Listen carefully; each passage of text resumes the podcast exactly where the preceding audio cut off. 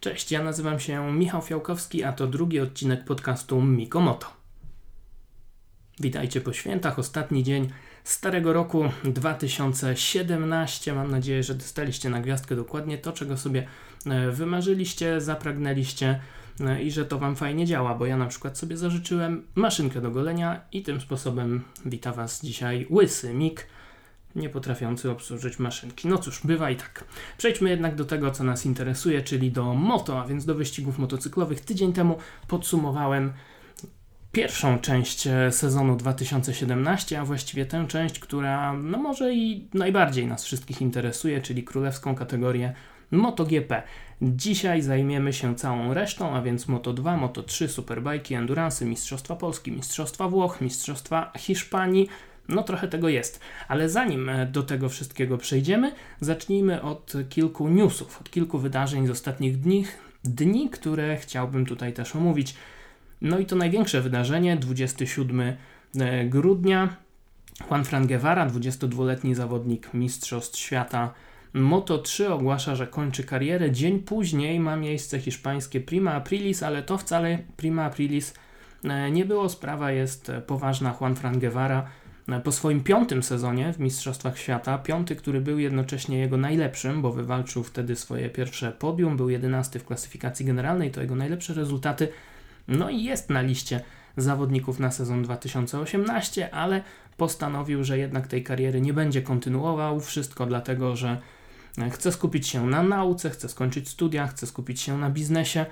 No i cóż, to jest chyba bardzo rozsądna decyzja, decyzja, której nie potrafi podjąć wielu innych sportowców e, z motorsportu, no bo jednak Juan Fran Guevara, mimo tego, że jest e, dobrym, solidnym zawodnikiem, no to co roku musiał przynosić niemałe pieniądze e, do zespołu. Od dwóch lat jeździ w ekipie, którą kiedyś założył Aleix Espargaro, a więc w RBA. Wcześniej jeździł u Jorge Martineza Aspara, no ale patrząc na te wyniki, myślę, że spokojnie 200-300 tysięcy euro rocznie musiał e, do tego e, teamu, czy to jednego, czy drugiego wnosić, a więc e, te koszty są niemałe, no i Guevara postąpił bardzo, bardzo rozsądnie. Szkoda, że, że te wszystkie okoliczności do tego go zmusiły, no ale niestety czasami taka decyzja może wyjść na dobre. Ja bym się wcale nie zdziwił, gdyby za jakiś czas Guevara wrócił, czy to gdzieś w Mistrzostwach Hiszpanii, czy to w jakichś supersportach, tak jak to zrobił chociażby Nico Terol. Trzymam kciuki za Juan Frana e, Guevara. A my przechodzimy do innego zawodnika, który e, wraca faktycznie do e, padoku. Inny Hiszpan, Alex de Bon. W połowie grudnia pojawiła się taka informacja, że Alex de Bon będzie pracował z Jorge Lorenzo, z trzykrotnym mistrzem świata MotoGP, zawodnikiem, który w tym sezonie dołączył do Ducati. No i wielu z Was pewnie zastanawia się, kto to w ogóle jest ten de Bon, skąd on się wziął. No to może małe wyjaśnienie. Alex de Bon, wieloletni zawodnik e, Mistrzostw Świata klasy 250, e, pracował już z Jorge Lorenzo. Pracowali razem e, przez dwa lata, w 2006 i 2007 roku. To były te dwa sezony, kiedy Jorge Lorenzo wygrywał tytuły w kategorii 250, a Alex de Bon był wtedy właśnie jego dyrektorem sportowym. Taki był dokładnie tytuł Alexa de Bona.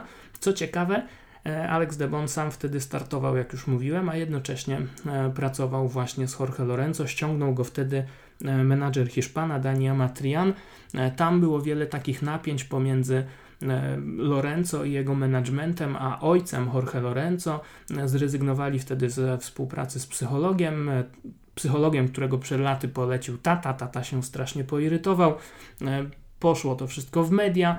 No, było o tym głośno, ale faktycznie Lorenzo potrzebował kogoś, kto poukładałby mu to wszystko w głowie. No i tak e, Dani Amatrian ściągnął właśnie Alexa e, Debona. Debon był jednym naprawdę z niewielu ludzi, którzy e, byli w takim bardzo ścisłym otoczeniu Jorge Lorenzo w tamtych czasach i rzeczywiście bardzo mu pomógł. Oni pisali do siebie listy, robili wizualizacje, mówili na siebie Dixie i Pixie.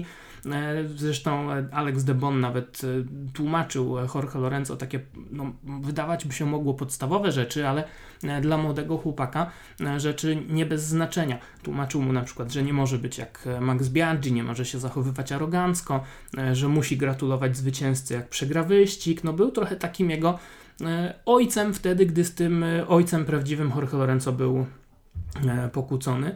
No i rzeczywiście Jorge Lorenzo wiele Aleksowi Debonowi zawdzięcza. Ta współpraca się zakończyła po dwóch latach, bo na 2008 sezon Jorge Lorenzo dostał kontrakt do E, MotoGP e, podpisał kontrakt z Yamaha, a Alex de Bon dostał wtedy bardzo dobry kontrakt na starty w 250, no i postanowił skupić się na swojej e, karierze, na swoich startach. Z czasem Lorenzo zaczął pomagać w Yamasze Wilko Zellenberg, no i teraz jak Lorenzo przeszedł do Ducati, to jednak kogoś takiego brakowało. Nie tylko kogoś takiego, kto będzie przyglądał się na torze i pomagał E, jako taki coach, jako taki trener, no ale też kogoś, kto od tej strony e, mentalnej tutaj będzie Jorge Lorenzo radził. Także to jest taka ciekawostka, zobaczymy jak ta współpraca e, będzie się układała. I skoro jesteśmy przy Jorge Lorenzo, to, to chciałbym zwrócić uwagę na taką rzecz, bo nie wiem czy wiecie, ale Jorge Lorenzo i Andrea Dovizioso znają się od bardzo wielu lat, a dokładnie od 16 lat ze sobą rywalizują. W tym sezonie oczywiście startowali razem w zespole Ducati. Wcześniej w tych latach 2006-2007 e, walczyli o tytuł w 250. E, Lorenzo dwa razy ten tytuł zdobywał, pokonywał Dovizioso. E, mówił, że to był wielki sukces. No wcześniej oczywiście w 125 razem startowali, ale nie wiem czy wiecie, kiedy ta ich rywalizacja się rozpoczęła.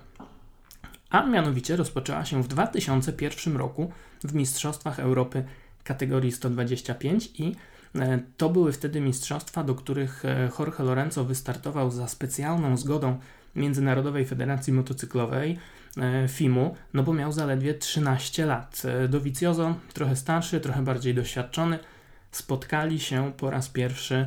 No wyobraźcie sobie, że u naszych południowych sąsiadów w Czechach, na torze w Moście, no i tam Jorge Lorenzo, debiutant, zgarnął pole position, ale przed wyścigiem e, powiedziano mu: uważaj na Dovizioso, to jest naprawdę e, sprytny gość. No i rzeczywiście, Dovizioso e, siedział Lorenzo na ogonie, przez cały wyścig jechał tuż za nim. Lorenzo się oglądał, wiedział, że ten atak na, nadstąpi, ale nie wiedział kiedy. No i w końcu ciach, w ostatnich zakrętach Dovizioso zaatakował, wyprzedził Lorenzo, wygrał wyścig.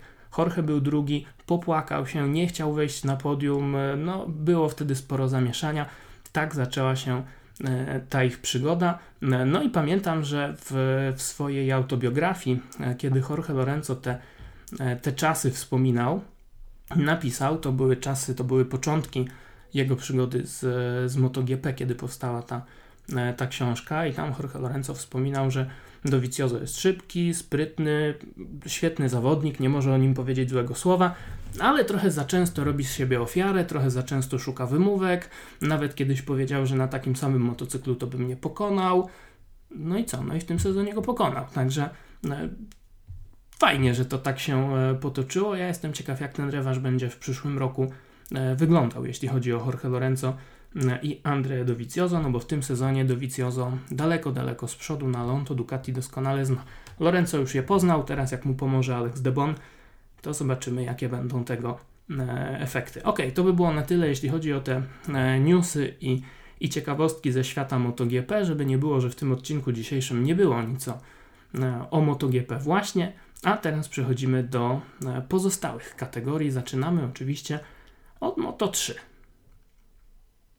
klasie Moto 3 w tym roku mieliśmy aż 44 różnych zawodników. Tytuł zdobył e, Juan Mir, zawodnik z Majorki, młody zawodnik, e, dla którego był to dopiero drugi sezon w Mistrzostwach Świata. Rok wcześniej był e, czwarty w klasyfikacji generalnej, nie, przepraszam, piąty był w klasyfikacji generalnej, ale z tej pierwszej czwórki z sezonu 2016 trzech zawodników przeszło do Moto 2 no i Joan Mir obok Enei Bastianiniego byli głównymi faworytami.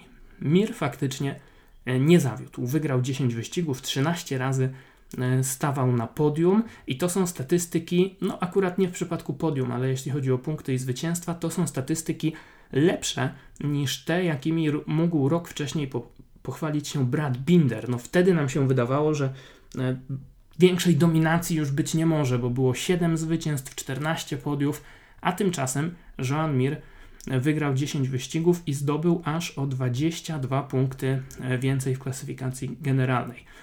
To jest zawodnik oczywiście, który w 2014 roku wywalczył wicemistrzostwo Pucharu Red Bulla, startował też w Mistrzostwach Świata Juniorów, więc mimo, że ten sezon 2017 był jego drugim w Mistrzostwach Świata, no to jednak nie można tutaj e, zarzucić braku doświadczenia e, Joanowi Mirowi.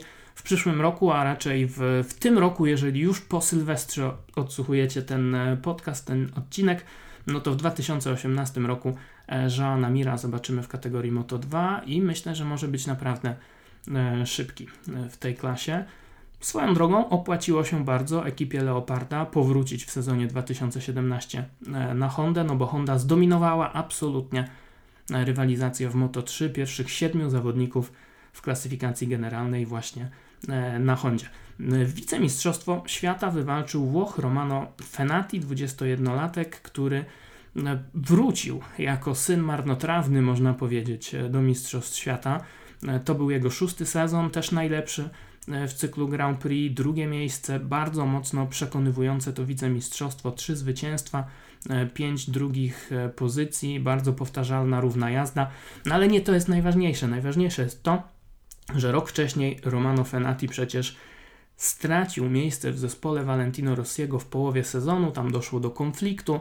E, trudno powiedzieć o co do końca chodziło. Niektórzy mówili, że Fenati nie chciał się przeprowadzić w okolice Tawuli, nie chciał trenować z całą tą ekipą, gdzieś tam był na oboczu, może trochę za bardzo gwiazdorzył.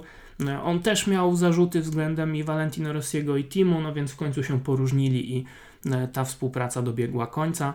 E, wydawało się, że trudno będzie Fenatiemu znaleźć miejsce, znalazł to miejsce w zespole Ongetty, no i no proszę, wywalczył wicemistrzostwo i on również awansuje w sezonie 2018 do kategorii Moto2. Drugi wicemistrz świata, a więc trzecie miejsce w klasyfikacji generalnej, Aaron Canet.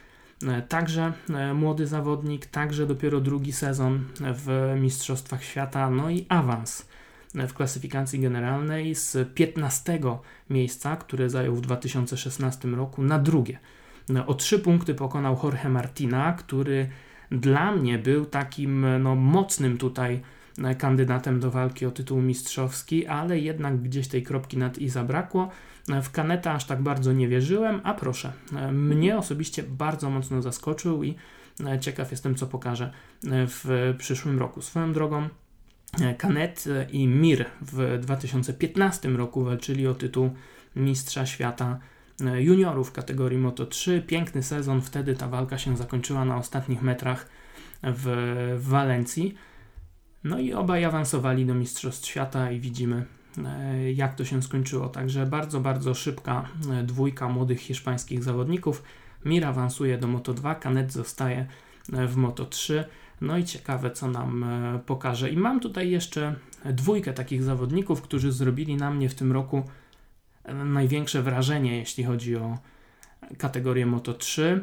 Pierwszy z nich to jest Marcos Ramirez, 19-latek, który zaliczył swój pierwszy pełny sezon w Mistrzostwach Świata. No i był ósmy w klasyfikacji generalnej.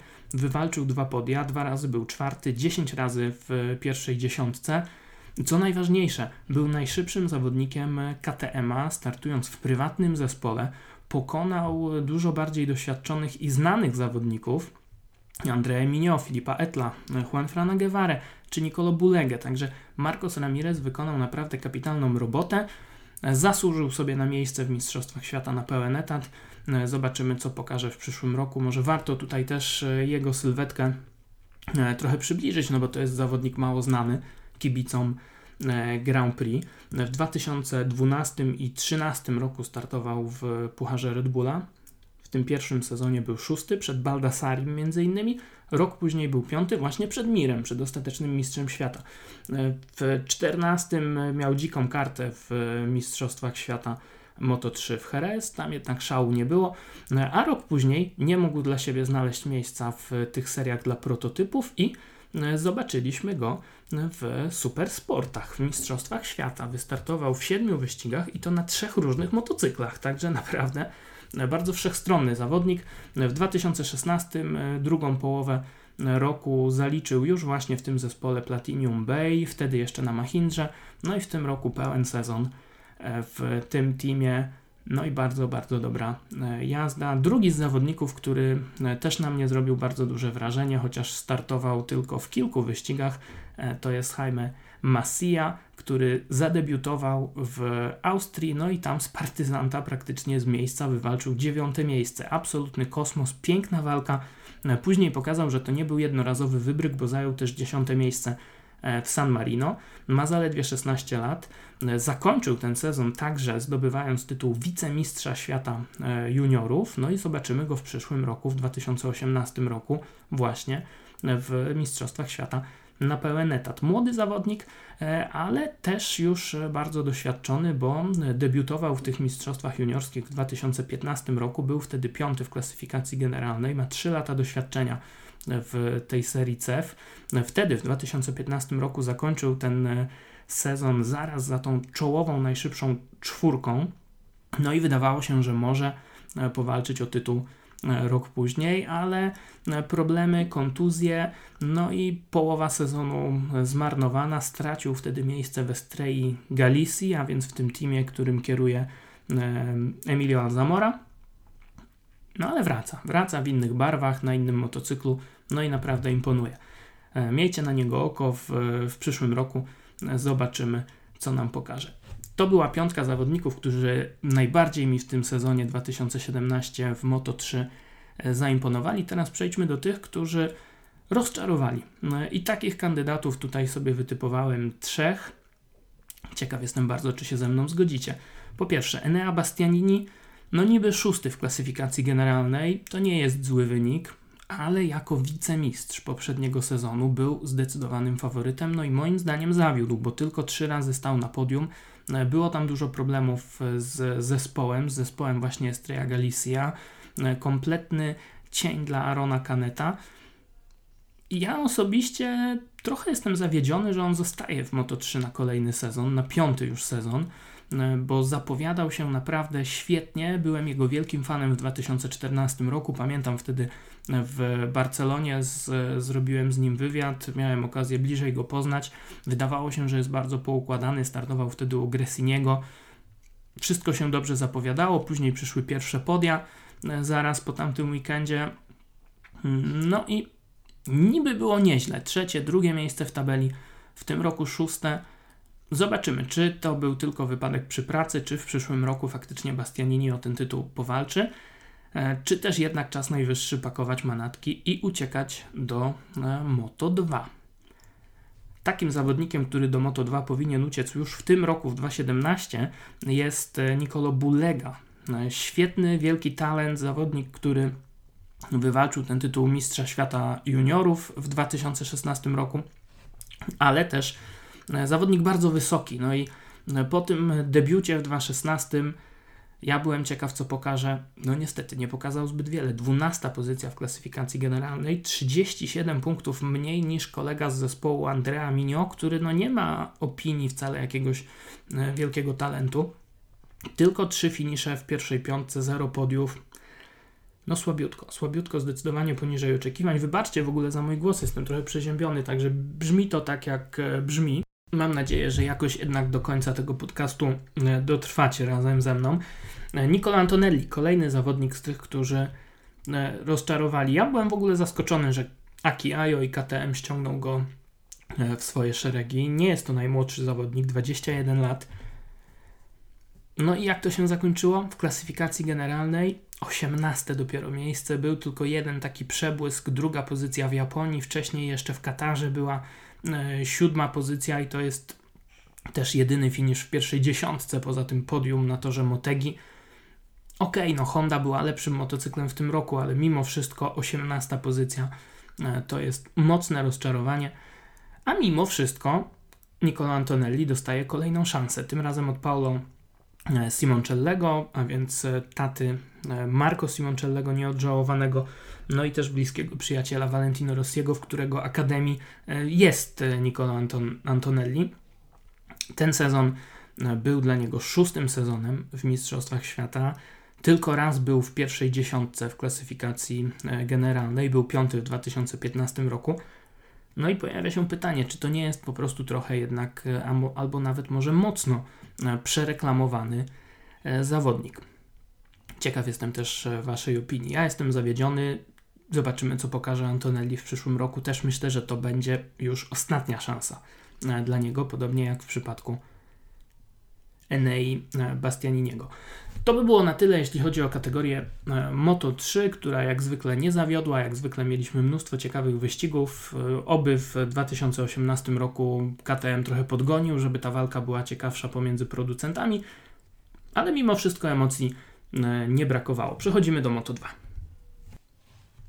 Oczywiście tym, który najbardziej e, imponował w kategorii Moto 2 z tych 45 różnych zawodników, których oglądaliśmy w sezonie 2017, był Franco Morbidelli, mistrz świata, 23-latek zawodnik, który e, był w trakcie swojego czwartego sezonu e, w Moto 2, drugim w barwach zespołu Mark VDS. No i nie zawiódł, absolutnie. 8 zwycięstw, 12 razy na podium, 14 razy w pierwszej piątce, tylko dwa nieukończone wyścigi. No i to jest dokładnie taka sama jazda, jak może pamiętacie w sezonie 2015, kiedy on wyścig za wyścigiem kończył na piątej pozycji. Piąty, piąty, piąty, szósty, piąty, piąty. Wtedy jeździł naprawdę bardzo równo. Wtedy też e, skrócony miał sezon przez kontuzję, którą na Silverstone zafundował mu Simone Corsi, ale już wtedy 3 lata temu, 2 lata temu pokazał, e, że jest wielkim talentem i jak będzie miał tego doświadczenia trochę więcej, to e, te wyniki też będą lepsze, no i były. Jak już przeszedł do e, teamu Mark VDS, pokazał w tym roku naprawdę mistrzowską klasę, a w nadchodzącym sezonie zobaczymy go już w MotoGP. To będzie pierwszy podopieczny Akademii Valentino Rossiego, który wystartuje w królewskiej klasie, no i może nam tutaj namieszać. Chociaż mówię to z pewną dozą wątpliwości, no bo jednak na tej Hondzie jeszcze mało komu e, się udało, poza Marquezem chyba e, imponować. Przekonał się o tym Tito Rabat chociażby. No ale zobaczymy, jak to będzie w przypadku Franco Morbidellego. Póki co sezon 2017 absolutnie mistrzowski. E, drugim zawodnikiem, który też bardzo mocno imponował, oczywiście Miguel Oliveira, 22-latek e, z Portugalii, wicemistrz Moto3 sprzed dwóch lat. W zeszłym roku swoim pierwszym w Moto2 na Kaleksie, wtedy w Leopardzie, był w klasyfikacji generalnej dopiero 21. No a proszę, awansował bardzo, bardzo mocno w, w tym roku. Bardzo imponował 9 podiów, wygrał trzy ostatnie wyścigi.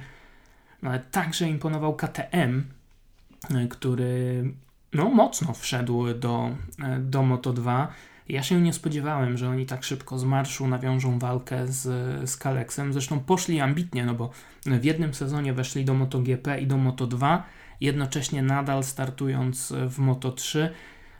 Trochę się to może czkawką odbiło, no bo ten projekt Moto3 ucierpiał, tam gdzieś tam ten KTM został z tyłu, no ale w MotoGP i przede wszystkim w Moto2 myślę, że e, udało im się e, zaskoczyć wszystkich, pokazać więcej niż od nich oczekiwano.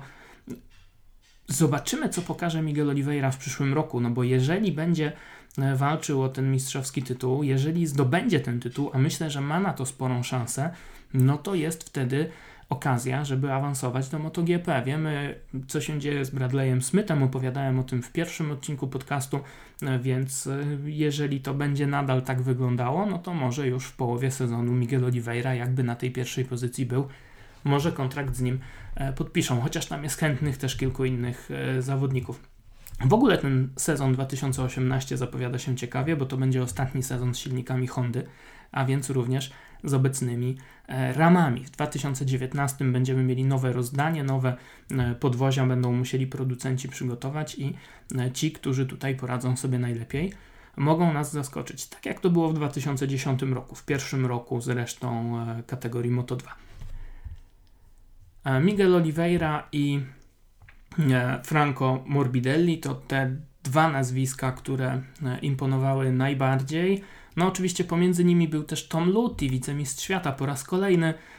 Zrobił to, czego się chyba spodziewaliśmy, ni mniej, ni więcej, więc y, trudno tutaj wymieniać go w, wśród tych, którzy jakoś specjalnie mocno imponowali. Miał oczywiście trochę pecha, tam była ta kontuzja pod koniec sezonu, ale myślę, że to nic by nie zmieniło i e, Franco Morbidellego i tak nie udałoby się powstrzymać.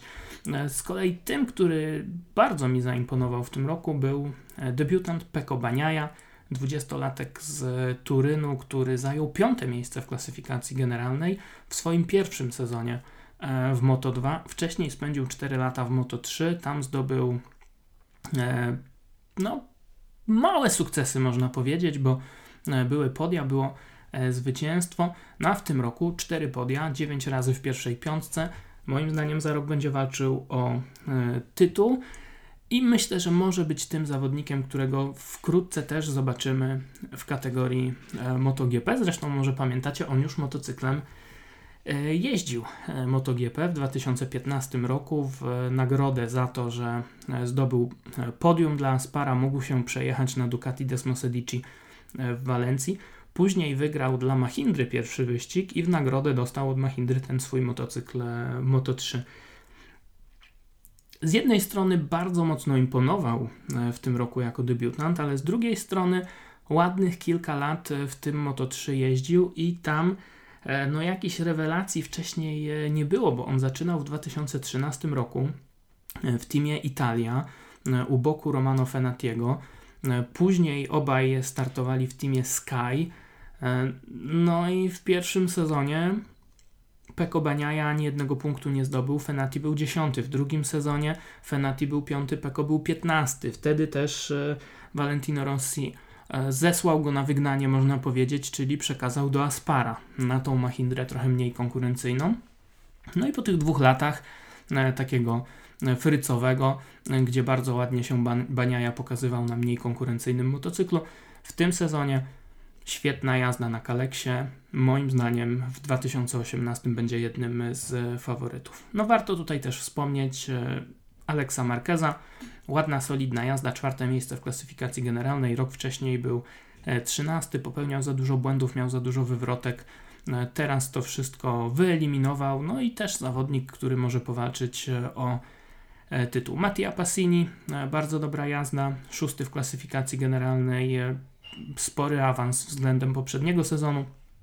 Brad Binder w debiucie bardzo dobrze się pokazał. Chabi Bierche również nieźle na motocyklu E, Hervé Poncharala na Mistralu. Mm, to są ci zawodnicy, którzy e, błyszczeli w Moto2 w tym roku, no a ci, którzy zawiedli, tę listę moim zdaniem otwiera Lorenzo Baldassari, zawodnik, który też jest e, już bardzo doświadczony, no bo to był jego czwarty sezon w Moto2, piąty w ogóle w Mistrzostwach Świata. Rok wcześniej, w 2016 roku, był ósmy w tabeli, wygrał wyścig w Mizano, pięknie tam pokonał wtedy Aleksa Rinca. No a w tym sezonie no jakiś dramat. 16 w generalce, dwa razy tylko w pierwszej czwórce, w ogóle bez podiów, e, cała seria wywrotek, błędów. No i tylko 51 punktów, podczas gdy rok temu tych punktów zdobył 127. Także spadek formy dramatyczny, no ale była też ta makabryczna wywrotka Wasen, która na szczęście zakończyła się tylko kontuzją kostki, ale wyglądała po prostu potwornie. W przyszłym roku Baldassari przechodzi do ekipy Sito Ponsa, będzie tam jeździł razem z Hectorem Barberą, także e, zobaczymy jak sobie poradzi. Miejmy nadzieję, że e, odbuduje tę pewność siebie. Zresztą to nie będzie pierwsza taka historia, kiedy on nad tą odbudową będzie pracował, bo nie wiem czy pamiętacie, w 2011 roku e, Lorenzo Baldassari wygrał Puchar Red Bulla. Pamiętam to doskonale, komentowałem wtedy te wyścigi na antenie Sport Klubu. Baldassari pokonał wtedy Artura Sisisa i Artura Tesze, ale był za młody, żeby awansować do Moto3, więc został na jeszcze jeden sezon.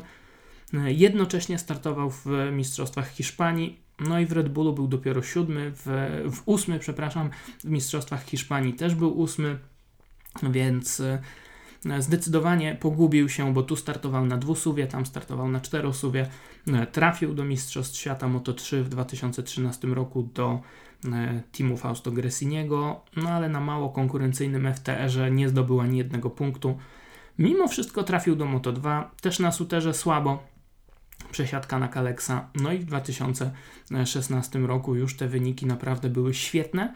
Bardzo dobrze się zapowiadał Baldassari, podopieczny też Valentino Rossiego ale jednak e, w tym roku się pogubił. oby się odnalazł w 2018 roku. No kolejny taki zawodnik, który e, też się pogubił i to już dawno i nie może się odnaleźć od kilku sezonów, to jest Jeszko Rafin, e, Szwajcar, były zwycięzca Pucharu Yamaha R6, były zwycięzca Mistrzostw Europy Moto2, ale w Mistrzostwach Świata za żadne skarby nie może się odnaleźć. Dwa lata jeździł w teamie Edu Peralesa, no i w tym sezonie dołączył do zespołu e, Interweten, ale niewiele to zmieniło. 20 w tabeli, 16 punktów, z czego 13 wywalczył za czwartą pozycję e, w Australii. Co się dzieje z tym chłopakiem? Zupełnie nie potrafię znaleźć odpowiedzi e, na to pytanie. On już w 2012 roku, jako 16-latek, zaliczył trzy starty w Moto2, zastępował wtedy Randiego Krumenachera na Kaleksie. To mu dało trochę taki tak przedsmak tego, czego może się spodziewać w Mistrzostwach Świata. No ale mimo wszystko zupełnie, zupełnie e, brakuje tych występów, które pokazywał w Niemczech, które pokazywał w, w Hiszpanii. No może to się zmieni. Póki co zdecydowanie jedno z największych e, rozczarowań i jeszcze większym chyba rozczarowaniem e, jest to, co pokazał e, w sezonie 2017 Xavier Simeon, bardzo doświadczony 28-letni zawodnik z Brukseli, zawodnik, który startuje przecież też nie od dziś w Mistrzostwach Świata, no bo ma na swoim koncie 127 startów w Moto2 na pięciu różnych e, motocyklach. Od 8 lat w tym Moto2 jeździ.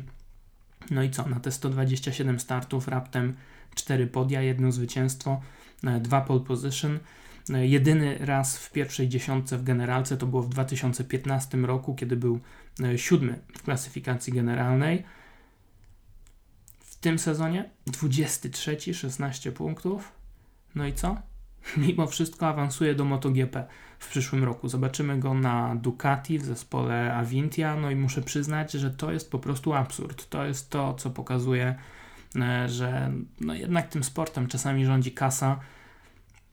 E, Belgia ma mocne relacje telewizyjne, jest zainteresowanie, jest kasa jest zawodnik, no moim zdaniem niestety przeciętny jak na te realia, mimo że oczywiście kiedyś tam wygrał ten Puchar Superstock 1000, co, co wcale nie jest takim łatwym zadaniem, więc tutaj nie można mu tego odbierać. No ale w Moto2 słabiutko, na MotoGP absolutnie moim zdaniem tutaj papierów nie ma, no ale może, e, może sprawi, że zmienię zdanie. Ciekaw jestem, czy, czy też macie taką opinię, bo dla mnie to jest naprawdę absurdalna historia. E, z tych, którzy też trochę rozczarowali, tutaj warto wspomnieć o e, Jonym Hernandezie. Wrócił do Moto2 z MotoGP. Ja się spodziewałem, że znów będzie jeździł bokami spektakularnie, tak jak kiedyś, że będą wyniki, no ale tych wyników nie było. W połowie sezonu team go pogonił. Ale Jony Hernandez znalazł dla siebie nowy dom, znalazł dla siebie też nowy pomysł na wyścigową karierę. Widzieliśmy go w tym sezonie w, wyścigach Endurance. Tam e, startował na Hondzie i stanął na podium ostatnio e, w Boldorze, a w przyszłym roku zobaczymy go też w Superbajkach na Kawasaki zespołu Puccetti, także może to jest droga dla Xavier Simeona, a nie MotoGP, no ale cóż, okej. Okay. Zostawmy już padok e, Grand Prix. MotoGP było przeanalizowane E, ostatnio Moto2 i Moto3 też już e, za nami. Przejdźmy do innych serii. Zaczynamy od e, superbajków. Superbajki w tym sezonie to absolutny festiwal umiejętności Johnego Reya. Trzeci sezon w Kawasaki, trzeci tytuł z rzędu, 58 punktów więcej niż rok temu. Najlepszy sezon absolutnie Irlandczyka w Mistrzostwach Świata Superbajków. Dziewiąty i najlepszy, 16 zwycięstw, 24 podia.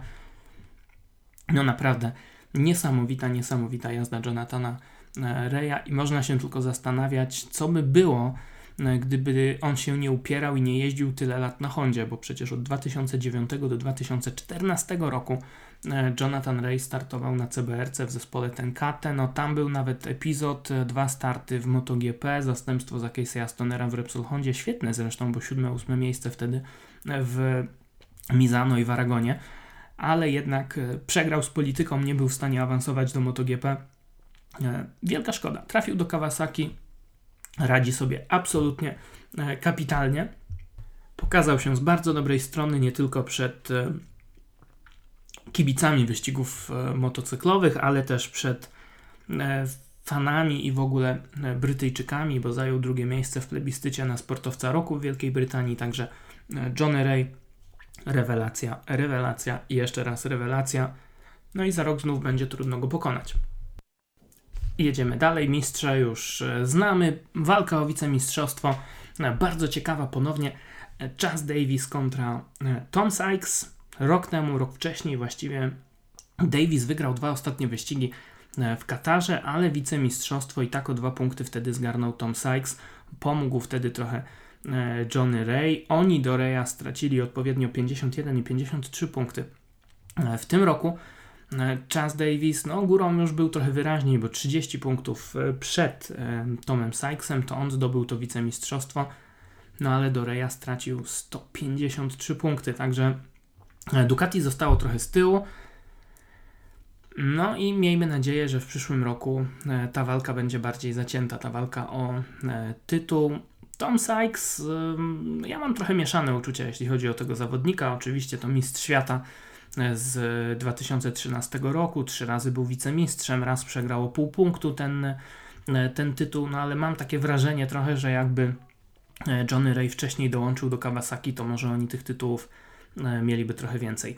E, ta walka o, o tytuł, tego mo może rzeczywiście zabrakło, ale nie brakowało pojedynków w, poszczególnych wyścigach i nie brakowało też trochę iskier pomiędzy Johnem Rayem i Chazem Davisem. Muszę przyznać, że to jest chyba dwóch absolutnie najsympatyczniejszych i najmilszych gości w ogóle w całym świecie wyścigowym a mimo wszystko potrafili się trochę posprzeczać. Tak było chociażby Wasen, e, kiedy tam e, no, były nerwy, były nerwy, ale mi się to akurat bardzo podobało, no bo to też lubimy oglądać, kiedy iskrze pomiędzy zawodnikami, nie tylko na torze, ale także e, poza nim. Pamiętacie te iskry pomiędzy Marco Melandri a Maxem Biagim, może kiedyś, kiedy się tam szarpali na Donington Park w Superbajkach. No Marco Melandri wrócił w sezonie 2017. Wrócił po dwuletniej nieobecności.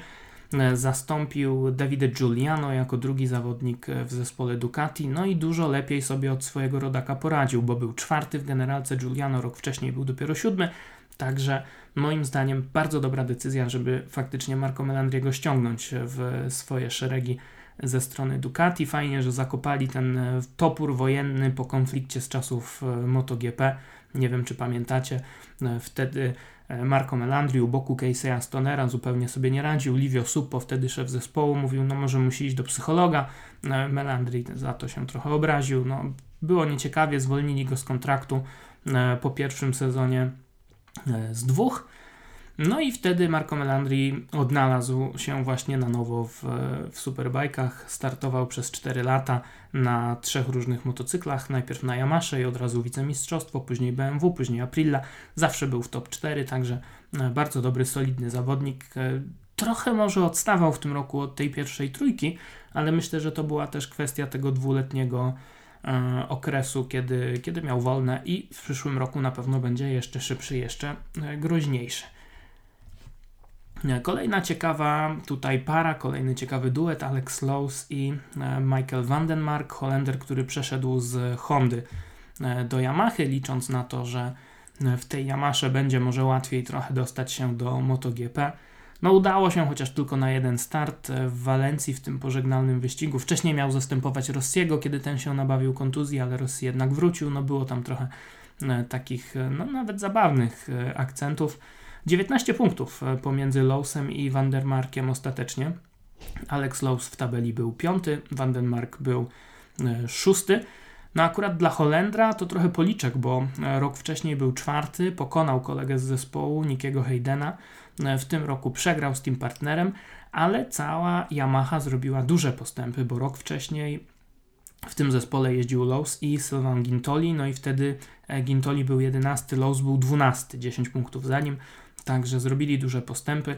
E, podobno, e, jak mówi sam Alex Lowe's, e, R1 świetnie sobie radzi w środku zakrętu, bardzo dobrze się prowadzi, trochę jeszcze traci do konkurencji na wyjściach, trochę brakuje tej płynności, ale jak to poprawią, no to może zrobią kolejne kroki, może na tym podium będziemy ich oglądali częściej. To oczywiście wszystko teamy fabryczne.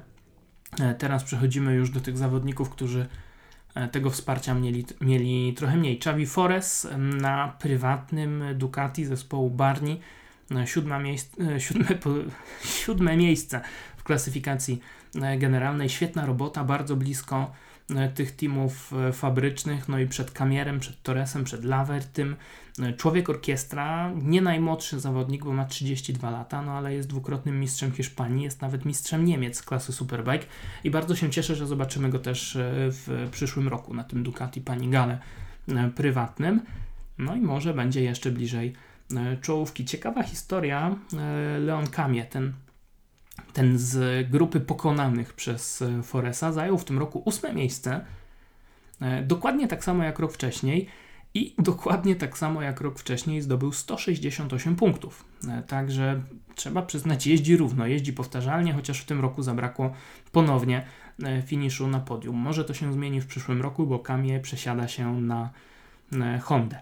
Zmienia barwy też Jordi Torres, w tym sezonie było gorzej niż w poprzednim, bo w 2016 był szósty, w 2017 był dziewiąty w klasyfikacji generalnej, no i teraz przesiadka z BMW na MV Auguste, którą właśnie zostawia po sobie e, Leon Camie. Wraca też do superbajków, wrócił w tym zakończonym właśnie sezonie e, Eugene Laverty, no i zakończył ten sezon przed Lorenzo e, Savadorim, przed byłym mistrzem stoków 1000, także też niezły wynik jak na Eugena Lavertiego, który po, po, kilku latach w MotoGP bez sukcesów wraca do superbajków. No i tutaj, jeżeli tę Aprilię uda się rozwinąć, no to kto wie, może te wyniki będą też całkiem niezłe w przyszłym roku.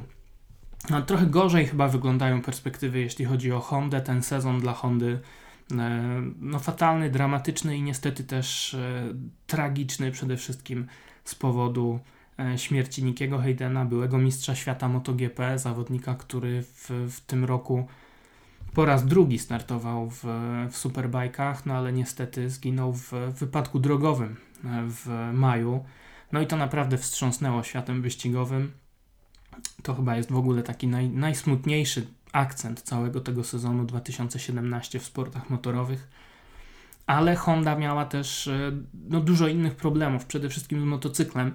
No i te problemy na tyle poważne, że nawet uciekł z tego zespołu Stefan Bradl. No niby jakaś kontuzja, niby coś, ale e, rzeczywiście kontrakt rozwiązał i z zespołu się zawinął. Także e, zobaczymy, czy Honda będzie w stanie się podnieść po tym wszystkim, co nam pokażą w przyszłym roku z Jake'em Gainim i właśnie z Leonem Camierem. Kolejny zawodnik, który startował krótko, bo e, też po trzech sezonach, e, po trzech wyścigach, po trzech rundach zniknął nam ze stawki, to Markus Reiterberger, mistrz Niemiec. To był jego drugi sezon w Mistrzostwach Świata w zespole BMW, no ale podobno to, co tam się działo w tym, w tym zespole, to w ogóle wykracza poza, poza ludzkie pojęcie. Tam była ogromna presja, był szef teamu, który E, miał jakieś takie ciągotki despotyczne.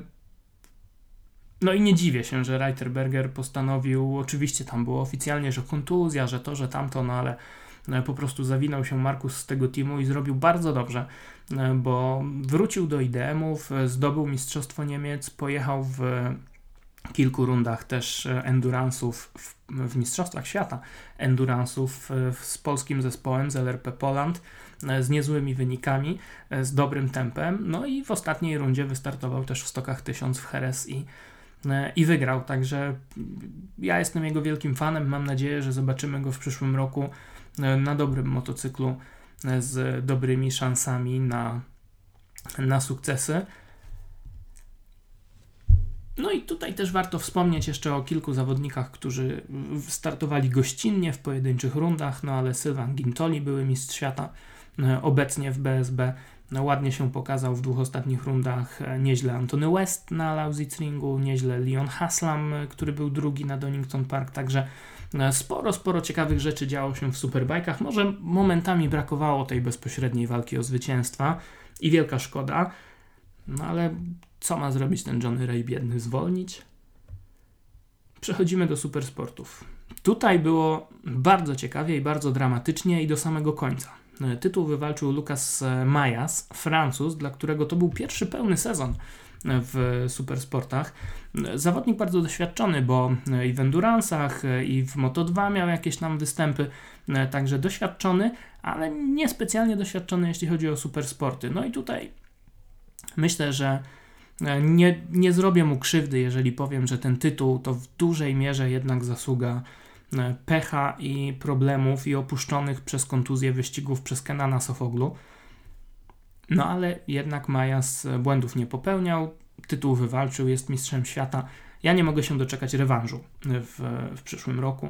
Zobaczymy, jak to będzie wyglądało. No myślę, że jednak Kenan się odkuje, ale kto wie, może Majas już też z większym doświadczeniem na tej R6 e, będzie w stanie nawiązać z nim walkę i wygrywać trochę częściej niż w sezonie 2017. W stokach 1000 e, Michael Rinaldi ostatecznie na Ducati zdobył tytuł, wyprzedził Topraka Razgat Liuglu, e, czyli podopiecznego e, Kenana Sofoglu, Turka, którego zobaczymy też w przyszłym roku w Mistrzostwach Świata. Podium uzupełnił Florian Marino, Francuz, który też startował w Mistrzostwach Włoch na R1, a szósty był e, Australijczyk Mike Jones, który pewnie pamiętacie, ma na swoim koncie start e, jako zastępca w Grand Prix Australii w MotoGP przed dwoma laty, no ale też e, zawodnik, który jak się okazuje ma polskie korzenie i o tym też będziemy w podcaście mówić za jakiś czas. A kończąc jeszcze ten wątek padoku World SBK, klasa Supersport 300, nowa klasa, świetna klasa, mnóstwo zawodników, e, walka do samego końca, no i Mark Garcia, punkt przed Alfonso e, Coppolą. E, Mark Garcia zdobył ten tytuł, mimo że startował przez cały sezon z dzikimi kartami. To dosyć specyficzna historia, nie wiem jaki tam był układ, ale Garcia rzeczywiście zaimponował. W przyszłym roku zobaczymy go w juniorskich mistrzostwach świata w teamie Maxa Biaggiego na KTM-ie. Coppola z kolei jako podopieczny programu Yamaha Blue Crew w nagrodę za bycie najszybszym z tych zawodników właśnie Blue Crew e, przechodzi do supersportów 600. E, 300, świetna mieszanka zawodników motocykli i przypisów, bardzo słuszna decyzja, że zastąpiono ten puchar Europy Juniorów, którym już mało kto się interesował e, właśnie taką nową serią. No tylko wielka szkoda, że nie mamy tam Polaka, a e, zasługuje na to miejsce Daniel Blin, co udowodnił startując z dziką kartą w e, Portugalii. Pokazał się też z dobrej strony oczywiście w Superbajkach Paweł Szkopek, o tym już mówiliśmy, ale myślę, że powiemy jeszcze też w kolejnych odcinkach dokładnie jak to wyglądało e, z kulis. Tymczasem póki co wątek Superbajków kończymy, przechodzimy do film EWC. 2016-2017 to był pierwszy taki sezon, który w wyścigach endurance'ów trwał dwa lata. Zaczęło się od Boldor we wrześniu 2016, a skończyło na Suzuce w sierpniu 2017, miesiąc kolej, przed kolejnym Boldorem, który z kolei wyznaczył start sezonu 2017-2018. 18. Zmiana była szokująca, e, ale miała być ambitna. Plany były rzeczywiście ciekawe, mieliśmy mieć wyścigi przez całą zimę w odległych krajach i tak dalej, i tak dalej. Niestety nic z tego nie wyszło i wyglądało to trochę absurdalnie, no bo mieliśmy e, pierwszy wyścig we wrześniu e, w Boldor, drugi wyścig dopiero w kwietniu. Mieliśmy tylko dwa wyścigi 24-godzinne, trzy wyścigi 8-godzinne, więc mm, trochę tego zróżnicowania zabrakło, szczególnie jak na Mistrzostwa Świata, ale i tak było ciekawie. E, sezon rozpoczął się od e, Boldoru, jak już powiedziałem, wygrało CERT, czyli najbardziej utytułowany zespół w stawce, 15-krotni mistrzowie świata, obrońcy tytułu, którzy w sezonie 2016, kiedy to był jeszcze sezon rozgrywany w, w jeden rok, oni wtedy pokonali Francuzów z GMT o jeden e, punkt. E, GMT w Boldorze, tym rozpoczynającym sezon 2016-2017, e, dopiero dziewiąte miejsce po dwóch wywrotkach. Yard z kolei Austriacy z awarią silnika, no i do mety nie dojechali. Później długo, długo czekaliśmy na kolejne rundy, no i one wreszcie nadeszły w 2017 roku. Le Mans, Oszesleben i Słowakia Ring. Wszystkie trzy wyścigi wygrali właśnie Francuzi z GMT 94, ale Suzuki było blisko. Suzuki też po tym e, triumfie e, w Boldorze, po wysokim miejscu w Le Mans. Nadal przed ostatnią rundą w Japonii na torze Suzuka, Suzuki miało jeden punkt przewagi nad GMT.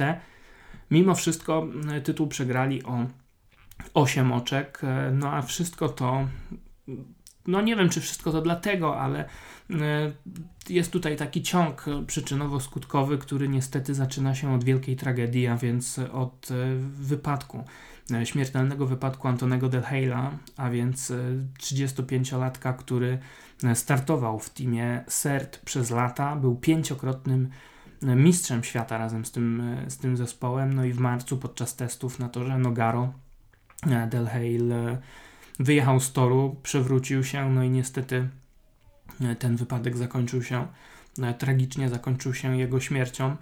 E, pomijając oczywiście całą oczywistą tragedię tego, co się stało, tragedię dla, dla rodziny, dla kibiców, no to też zespół miał bardzo duży problem, bo, bo po prostu stracili trzeciego zawodnika i musieli wspomagać się, nie chcę powiedzieć, że zawodnikami z łapanki, no ale zawodnikami E, spoza tej e, etatowej struktury. No i z tym były też trochę problemy, no bo na Suzuce pojechał właśnie Japończyk, który zaliczył wywrotkę i ta wywrotka ostatecznie kosztowała ich e, ten, ten mistrzowski tytuł. Także pechowo Sert, pechowo Suzuki, zresztą tamtych problemów było więcej, no bo też cały e, szef zespołu, wieloletni szef zespołu Dominik e, Melion z, z powodów zdrowotnych e, zniknął z padoku, zmieniło się to kierownictwo, no i, no i może gdzieś tam tej magicznej ręki Dominika Melion zabrakło momentami.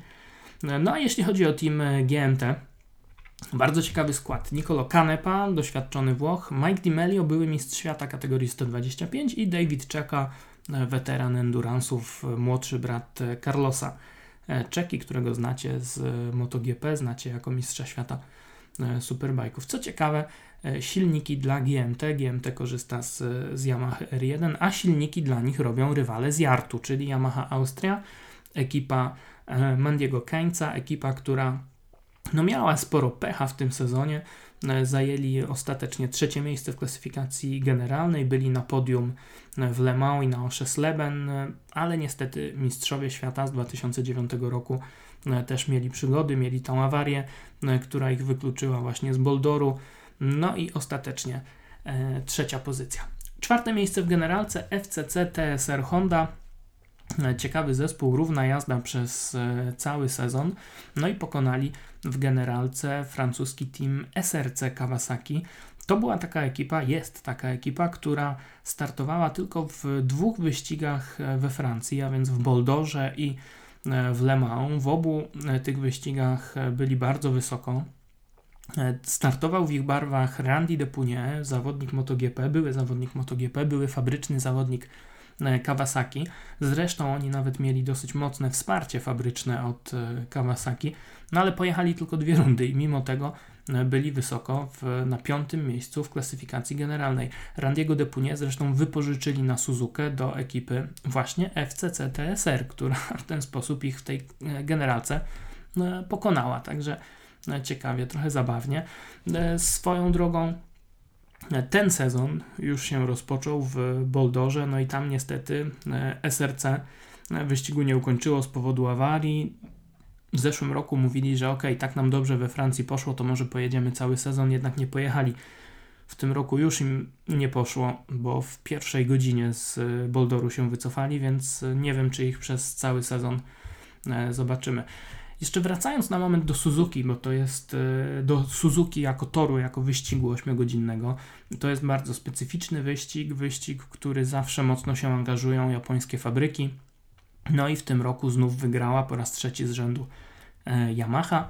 Alex Lowe's, Michael Vandenmark i Katsuyuki Nakasuga. Wcześniej startowali Paul Espargaro, Bradley Smith wygrawali. Przed laty, przed laty Valentino Rossi i Colin Edwards e, startując w MotoGP i w Superbike'ach odpowiednio wygrywali na Hondzie. E, wiemy już, że w przyszłym roku wraca też fabryczny team Hondy na Suzukę, więc ja jestem bardzo ciekawy, kogo oni ściągną e, na te zawody. Czy to będzie Mark Marquez? No trochę mi się nie chce wierzyć, ale taki Cal Crutchlow na przykład, Morbidelli, jak najbardziej tak. Próbowali w tym roku namówić Jacka Millera, No, różnie tam, tam bywało, ale rzeczywiście takich, takich transferów jest sporo i to jest bardzo fajne, bardzo ciekawe. Kończąc jeszcze ten endurance'owy wątek, oczywiście nie można tutaj nie wspomnieć o dwóch polskich zespołach. Przede wszystkim Team LRP Poland, który już od kilku sezonów jeździ na, na pełen etat. No dużo pecha w tym roku, bo tylko na Słowacji były punkty. Tam świetnie pojechali właśnie razem z Markusem Reiterbergerem, o którym już mówiłem. Wcześniej w Le Mans była awaria E, osprzętu skrzyni biegów. Tam wtedy startował Patryk Kosiniak. W Niemczech była szansa na zwycięstwo, no ale wywrotka Lukasa Trautmana te szanse pogrzebała. No i na zakończenie sezonu awaria elektroniki w, e, w Boldor. Wielka szkoda, ale jest duży potencjał i tutaj naprawdę ogromne słowa uznania dla Bartka Lewandowskiego, który tym teamem e, kieruje, bo wykonuje bardzo dobrą robotę. Ale pojawiła się też polska konkurencja, bo najpierw na Słowacji w takim pojedynczym starcie zadebiutował Wójcik Racing Team.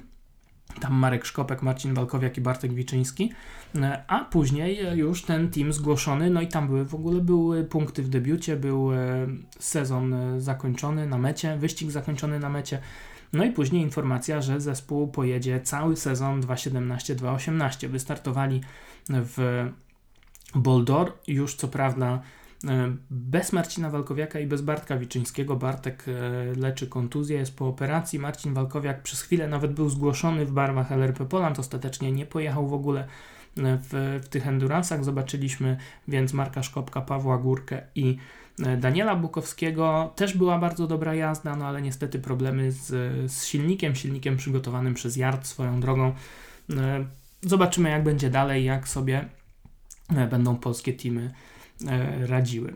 Tak jak już mówiłem, e, rok 2017 zakończył pierwszy wyścig sezonu 2017-2018, czyli Boldorf. Wygrało GMT, e, Honda Endurance, która miała słaby ten sezon 16-17. W Boldorze świetnie na najniższym stopniu podium, w tym teamie Jony Hernandez, o którym już mówiłem.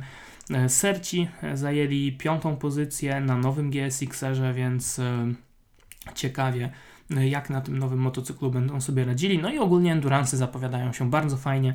Kolejny wyścig dopiero jednak w kwietniu, połowie, w połowie kwietnia e, Le Mans. Także to by było na tyle, jeśli chodzi o endurance. Tam będzie dużo tych polskich wątków, więc bardzo te wyścigi warto e, śledzić.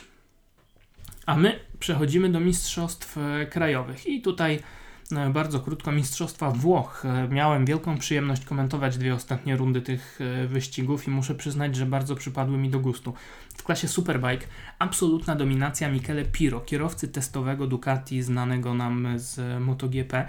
Piro wygrał 11 z 12 wyścigów, raz tylko był drugi, no i w tym wyścigu, którym był drugi, zajął, zapewnił sobie tytuł, także absolutnie w ogóle kosmiczna jazda zawodnika Ducati. Pokonał Lorenzo Zanettiego i obrońcę tytułu Matteo Bajoko, ale mimo, że tyle tych wyścigów wygrał, to wcale ta walka nie, nie przychodziła mu tak łatwo, te zwycięstwa nie przychodziły mu tak łatwo i walka e, była naprawdę bardzo ciekawa przez e, cały sezon, ale jeszcze ciekawsza była w supersportach, gdzie dwóch zawodników na MV Augustach, Davide Stirpe i Ilario Dionisi, walczyli do ostatnich metrów. Ostatecznie mistrzem został e, Stirpe. W Moto3 Nico Spinelli pokonał Kevina Zanoniego, a w Supersportach 300 no, w ogóle sieka prawdziwa.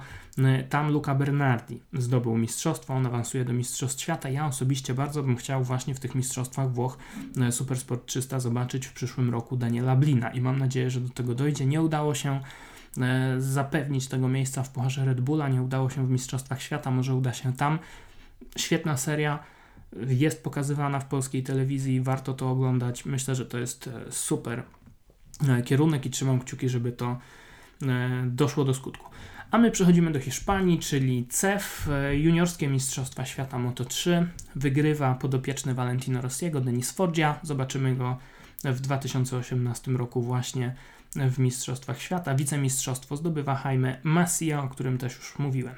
W Moto2 Eric Granado zdobywa tytuł. Zawodnik, który też jednocześnie startował w Mistrzostwach Brazylii Superbike'ów i o ile dobrze pamiętam, to te mistrzostwa e, wygrał. No i zawodnik, który też już wcześniej startował w Grand Prix, więc wraca w przyszłym roku do Mistrzostw Świata. Wtedy był chyba jeszcze trochę za młody, może niedojrzały, może nie gotowy, to nie poszło tak, jak powinno pójść.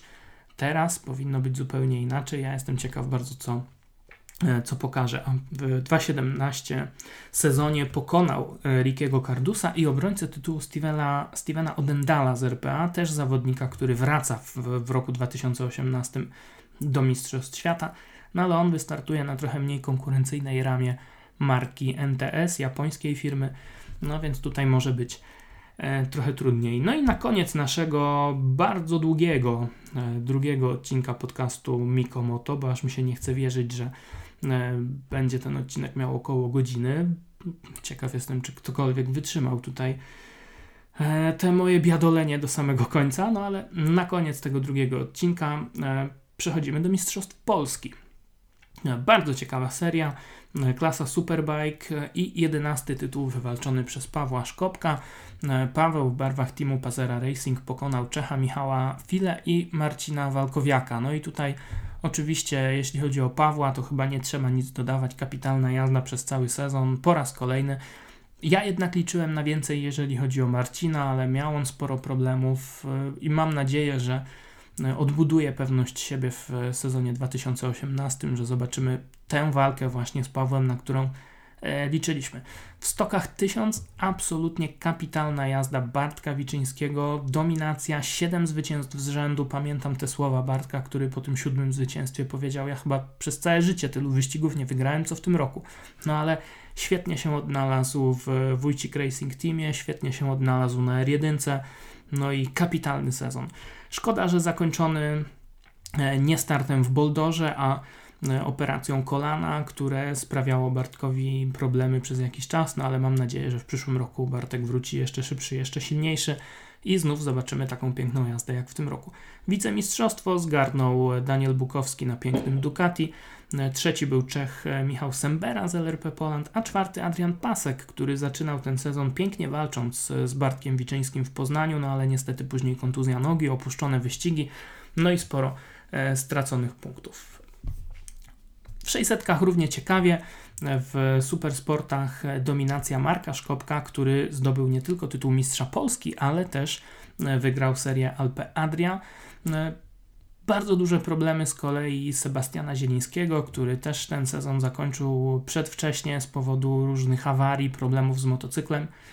No i zakończył karierę i to jest bardzo, bardzo smutna e, wiadomość. Mam nadzieję, że jednak coś tam się wydarzy przez zimę, co sprawi, że Sebastiana będziemy mogli na torze oglądać, no bo jest to bardzo szybki, bardzo zdolny zawodnik, wielokrotny mistrz Polski, no i tutaj e, byłaby to piękna walka znów, gdybyśmy go oglądali e, na torze, ale nie będzie to już walka, walka z Markiem Szkopkiem, bo jak słyszeliśmy niedawno, Marek awansuje do superbajków.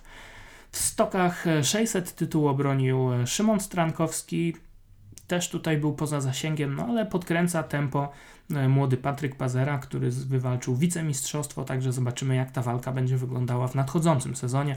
Dwóch jeszcze zawodników, o których tutaj e, warto wspomnieć. Świetna postawa Mikołaja Budzyńskiego, który wygrał Rookie 600, no i fenomenalny e, Daniel Blin, który zdominował Superstock 300. No i cóż, Sezon 2017, nie tylko sezon, ale w ogóle i rok 2017 dobiega już końca. Zostało kilka godzin e, do wielkiej noworocznej fety. Ja bardzo Wam dziękuję, że byliście ze mną nie tylko w tych dwóch odcinkach podcastu, ale też w tych wszystkich newsach, artykułach na Motormanii podczas komentowania czy Mistrzostw Polski, czy Mistrzostw Włoch, e, podczas tego wszystkiego, co działo się E, w tym roku, także w mediach społecznościowych. Mam nadzieję, że będziecie ze mną także w sezonie 2018, który zapowiada się e, bardzo, bardzo e, ciekawie. Dzisiaj już dziękuję Wam za uwagę. Życzę udanej noworocznej fety. No a jeżeli już odsłuchujecie ten podcast po Sylwestrze w nowym roku, no to spokojnego dojścia do siebie i powrotu do, do tej naszej zimowej rzeczywistości, który mam nadzieję będzie szybki, sprawny i sezon nadejdzie już e, wkrótce. My słyszymy się w podcaście, myślę, że za około tydzień. Jeszcze nie wiem, co dokładnie dla Was wymyślę, no ale tych pomysłów mi nie brakuje. E, nie brakuje mi także ciekawych kalendarzy na e, różne konkursy, także może w trzecim odcinku wreszcie jakiś konkurs się pojawi. A dzisiaj już za uwagę dziękuję Wam. Michał Fiałkowski, to był drugi odcinek podcastu MIG o Moto. Czekam i proszę Was bardzo e, o komentarze, o opinie na Facebooku, na Instagramie, na Twitterze. Znajdziecie to wszystko w opisie e, pod podcastem. Dzięki, do usłyszenia, trzymajcie się, hej.